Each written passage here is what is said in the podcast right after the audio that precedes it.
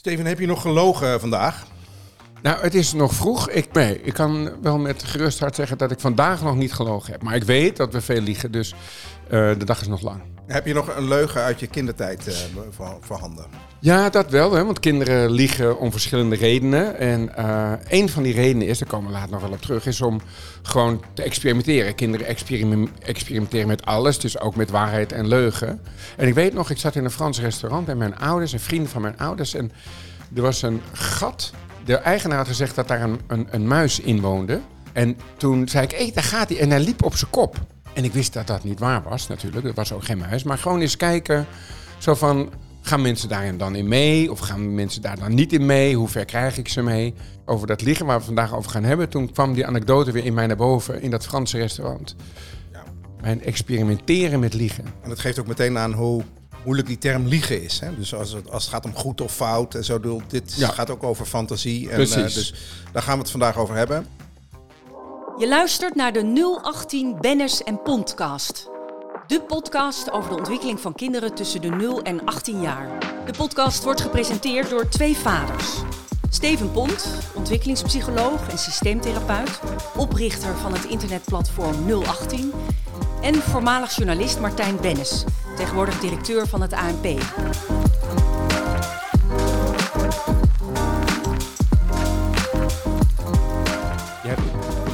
Ja. Uh, de quote die ik heb gevonden, die komt van uh, Theo van Gogh. Het is goed dat we die ook weer eens even memoreren. Uh, maar die zegt, liegen is de kruipolie van het intermenselijk verkeer. Dat zegt volgens mij best veel. Hè? Dus, um, en dat is wat, wat we ook doen. Het is vaak om niet te hard te zijn, een beetje iemand in bescherming te nemen. Ehm, waarom of jezelf zou je, in bescherming te nemen. Of zelf, ja. Maar waarom zou je zeggen, nou, ik vind het een lelijke jurk. Waarom? Ja. Dus Misschien kunnen we eerst even beschrijven hoe liegen eigenlijk is voor kinderen vanaf uh, dat ze gaan praten tot pubers. Nou, kijk, als, als kinderen heel jong zijn, dan zitten ze nog in die magische wereld waarin fantasie en werkelijkheid totaal door elkaar heen lopen. Dus kan een kind zeggen: Ik zag een paard, een paard vliegen. En dat is dan niet zozeer een, een leugen in de strategische zin van het woord, maar kinderen experimenteren met alles. Dus uh, met spullen, met relaties en dus ook met de waarheid. En dus even kijken, dat verhaal wat ik net vertelde over die muis die, die, omgekeerd in zijn holletje liep, was gewoon eens even kijken wat er gebeurt. Er zat geen strategie achter, het was gewoon dus, gewoon, ja, je probeert eens wat. En als je dan wat later, in latere leeftijd, dan krijg je wat we ook wel een theory of minds noemen. En dat wil zeggen dat je je beter in de ander kunt verplaatsen.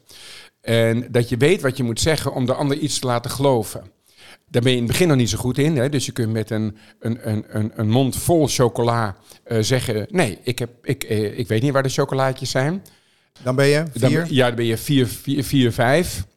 En zo rond je, rond je zevende uh, krijg je een soort abstractieniveau.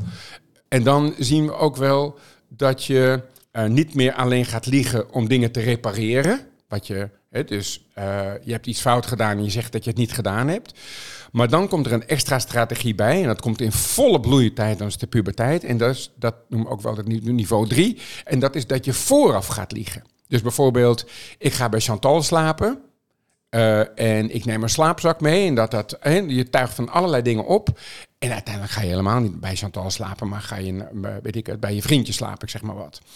En um, dat zie je een tweejarige natuurlijk niet doen. Dus je ziet, uh, elke leeftijdscategorie heeft zo zijn eigen levens, zijn eigen leugen leven. Als ik dat vertaal, is het van fantasiewereld naar improviserend liegen naar, naar strategisch, liegen. Ja. Ja. Juist. En uh, dat betekent eigenlijk is die, die, hele kleine kinderen, dat zijn natuurlijk geen leugens. Dat is dat de, de term uh, liegen past daar niet helemaal, maar het is in ieder geval onwaarheid spreken. Ja. Hè? Dus, en maar, dus je zou de, leugen, de term liegen, eigenlijk moeten bewaren voor om er zelf beter van te worden. En dat doen hele jonge uh, kinderen uh, niet. En daarom is het van belang dat je ook niet heel heftig reageert. Hè? Van, uh, omdat een kind weet gewoon niet, die doet maar wat. Hè? Dus dan is het van, oh, vloog je hoog, ik zeg maar wat, over dat paard. En, en het dan gewoon laten. En dan ja, want daar we zelf... naartoe. Hè? Dus uh, hoe ga je ermee om? Hè? We, ja. we, wij willen mensen opvoeden die niet uh, hard liggen, niet strategisch ja. liggen. Dus daar willen we uiteindelijk naartoe. Um, en als je bij een heel klein kind uh, een fantasie herkent, dan niet de bedoeling dat je daar op ingaat alsof het een harde leugen Nee, is. Dus, Ze weten niet hè. wat ze doen. Oké, nu worden kinderen wat ouder, hè, dus dat, dat, die mond vol chocola. eh, dat- en dan heb je natuurlijk wel de behoefte om duidelijk te maken dat dat, dat niet de bedoeling is, denk ik. Hoe gaan we daar het best mee om? Met vier, vijfjarige die toch een eh, flinke greep gedaan heeft uit de droppot. Ja, nou ja, om wel duidelijk te maken, bijvoorbeeld met eh, kom eens mee naar de spiegel en eh, wat zie je. Maar waar- waarom ik het een belangrijk onderwerp vind, is dat we, we zijn geneigd heel fel te reageren op liegen. Terwijl het is ook een, een vaardigheid die zich moet ontwikkelen. Dus je hoeft je niet persoonlijk aangevallen te voelen als een kind liegt. Het, het, is, zich, het is aan het groeien. Dus eh, om bijvoorbeeld dan voor de spiegel te gaan staan en ook een beetje de pret ervan in te zien. En dat kind niet een heel slecht gevoel over zichzelf te geven, maar wel duidelijk te maken dat sommige dingen waar zijn en andere dingen niet waar zijn. En echt bij dat strategische liegen, dus dat je echt van tevoren al allemaal dingen gaat bedenken om eh, goed weg te komen. Eh, daarvan vind ik het van belang om te vragen waarom die leugens zijn verteld. En soms merk je dan dat het iets relationeels is. Bijvoorbeeld dat kinderen heel bang waren voor de reactie van de ouders. Veel banger dan dat jij van plan was gereageerd te hebben. Dan denk ik, jeetje. En dan leer je er zelf ook wat van. Dus heel heftig reageren maakt kinderen bang. Bange kinderen vertellen veel leugens om die, om die woede niet te hoeven meemaken. Dus dan heeft het ook iets met jezelf te maken. Nou, en dan eh, leer je dus met z'n allen wat van.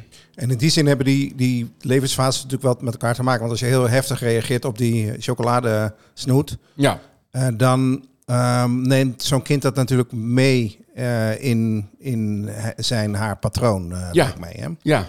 Want dan gaat het dus, eh, dan wordt het eh, snel strategisch om, eh, jou te, om jou te ontlopen.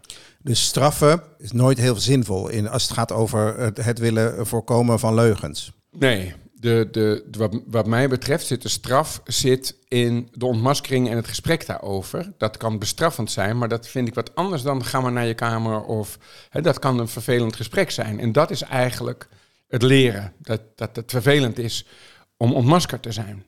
En als je dan die, die puber hebt, of die 14-jarige, eh, die eh, dus ergens anders gaat slapen dan eh, hij, zij heeft aangegeven, ehm, dan ga je dat gesprek daarover hebben. Vind je dan, ehm, moeten ouders daar mild over zijn, over zoiets? Best een forse leugen natuurlijk. Zeker, nee, je, kan, je, kan, je, hebt- je hebt recht op je boosheid.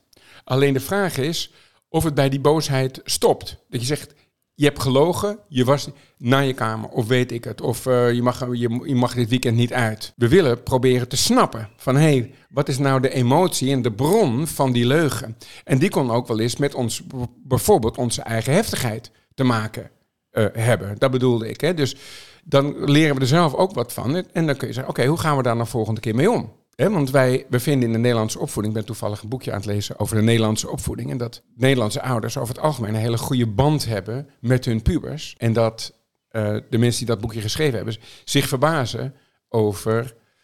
Nou, dat we zijn buitenlanders. zijn buitenlanders, ja. Ja. Dat zij meemaken, maar lang niet bij iedereen. Maar dat daarna het gesprek volgt. Volwassen mensen die leugenachtig geworden zijn. Ja. Heeft dat zijn wortels, denk je, in de, in de opvoeding? Nou, voor een gedeelte. Ehm, we noemen dat in de psychologie ook wel de false self. De false self is dat je een valse ik creëert. Je ziet bijvoorbeeld bij seksualiteit. Dat je eh, een, een andere persoon presenteert aan de wereld, namelijk hetero, terwijl je van binnen voelt dat je dat niet bent. Dus dan cre- creëer je voor anderen iets anders dan dat je jezelf voelt.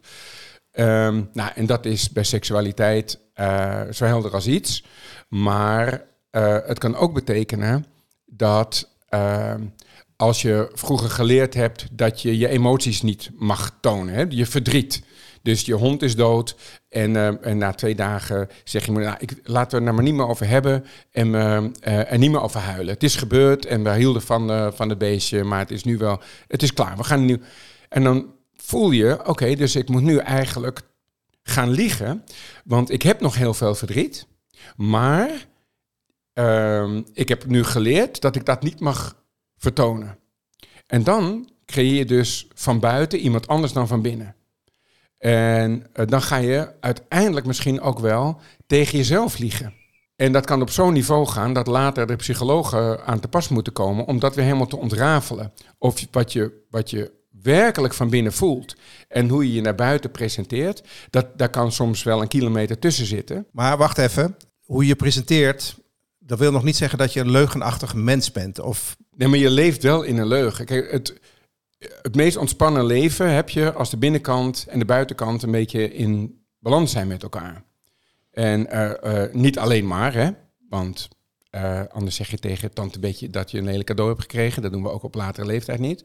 Maar dat je echt essentiële onderdelen van jezelf niet presenteert eh, aan de wereld. Omdat je hebt afgeleerd dat dat wordt gewaardeerd. Maar ik heb het gevoel dat we wel in een nieuwe definitie van leugen komen. Zeker, zeker. Eh, Want eh, iemand die bijvoorbeeld homofiel is, terwijl die zich presenteert als hetero, hoeft Ja. niet per se leugens te ver- vertellen naar buiten of in zijn eigen voordeel. Ik snap wel dat er iets leugenachtigs in zit. Nou ja, hij lacht om homograpjes. Hè, dus van binnen ga je dan natuurlijk wel... Dan heeft de binnenkant is dan echt wel iets anders dan de buitenkant. Dus dan, dan lieg je eigenlijk nog steeds uit strategische overwegingen, uit zelfbescherming. Oh ja, oké. ja. Maar je, je, je bent niet compleet. En als dat maar lang genoeg doorgaat, en bij homoseksualiteit komen de meeste mensen wel uiteindelijk uit de kast en dan zijn ze weer authentiek. Eh, maar heel veel eh, mensen die uiteindelijk in therapie terechtkomen, die moeten echt weer teruggebracht worden naar, naar dat niveau waarin ze in alle eerlijkheid durven te voelen en niet voelen wat andere mensen vinden dat ze hadden moeten voelen toen ze jong waren. Ja, ik heb het gevoel dat we eh, eh, vrij snel van zeg maar, normale eh, leugenachtig gedrag van kinderen naar een problematische vorm van leugenachtigheid zijn. Ja. zijn. Dat geeft niet. Hè? Dus, Maar nu zitten we op het terrein van de ja, stoornis is misschien te heftig woord, maar in ieder geval op een, een, een psychologisch probleem. Hè? Dat Ja. je niet meer synchroniseert. Precies, Dus, precies. en eh, wat. Dan heb je het over volwassen mensen, of zie je dat ja, ook al bij hebben we het hele trappetje even afgelopen. Zijn begonnen bij tweejarigen. En, toen, en, en, en, en dit is dan in de volwassen wereld, waarin mensen in een leugen eh, kunnen leven. En dat kunnen tweejarigen nog niet. Hè. Dus eh, vandaar dat we, dat we even Ah, het ja. hele trapje hebben Dit is het maximale niveau van Precies. leugenachtigheid. Dat Ja. je in feite, ja, ik snap het. Nou, volgens mij begrijpen we een klein beetje waar we naartoe willen als, eh, als mens. We willen een gezond niveau van leugenachtigheid. Dus we Ja. willen wel eh, gesynchroniseren met onszelf. Hè, dus we willen zijn wie we zijn. Ehm, en we willen aanvoelen wanneer de hele waarheid niet per se van dienst is. Ja. En we willen ook begrijpen dat we niet onwaarheden moeten vertellen die of onszelf heel veel voordeel bezorgen of iemand anders heel veel nadeel of een combinatie van die twee. Dus het is een, een vreemde balans eigenlijk van, eh, van, van waar, wat je moet kunnen als volwassen mens. Je moet er best veel dingen aanvoelen. Ja, maar dan heb je dus dat praktische gedeelte om mensen heel te laten. En ehm, je hebt eh, dat, dat strategische gedeelte eh, om er zelf beter uit te komen. En, eh, dan, en, eh, en daar moeten we voor waken dat onze kinderen dat ook niet leren in de opvoeding. Eh, dat sommige dingen die wel degelijk bij horen, dat die afkeurenswaardig zijn. Omdat als de omgeving het afkeurt, kun je het zelf uiteindelijk ook af. Terwijl het wel bij je hoort. Steen, weet je dat ik jou een hele intelligente en knappe man vind? Oh ja? Vertel. Nou, echt briljant ook. Jeetje. Ja. Ja, en dat is de waarheid, toch? Dat is de, de waarheid en niets dan de waarheid. Ja. Je hebt geluisterd naar de 018 Bennis en Podcast. Heb je vragen of suggesties? Mail dan naar podcast.018.nl 018 schrijf je als NUL en dan het getal 18.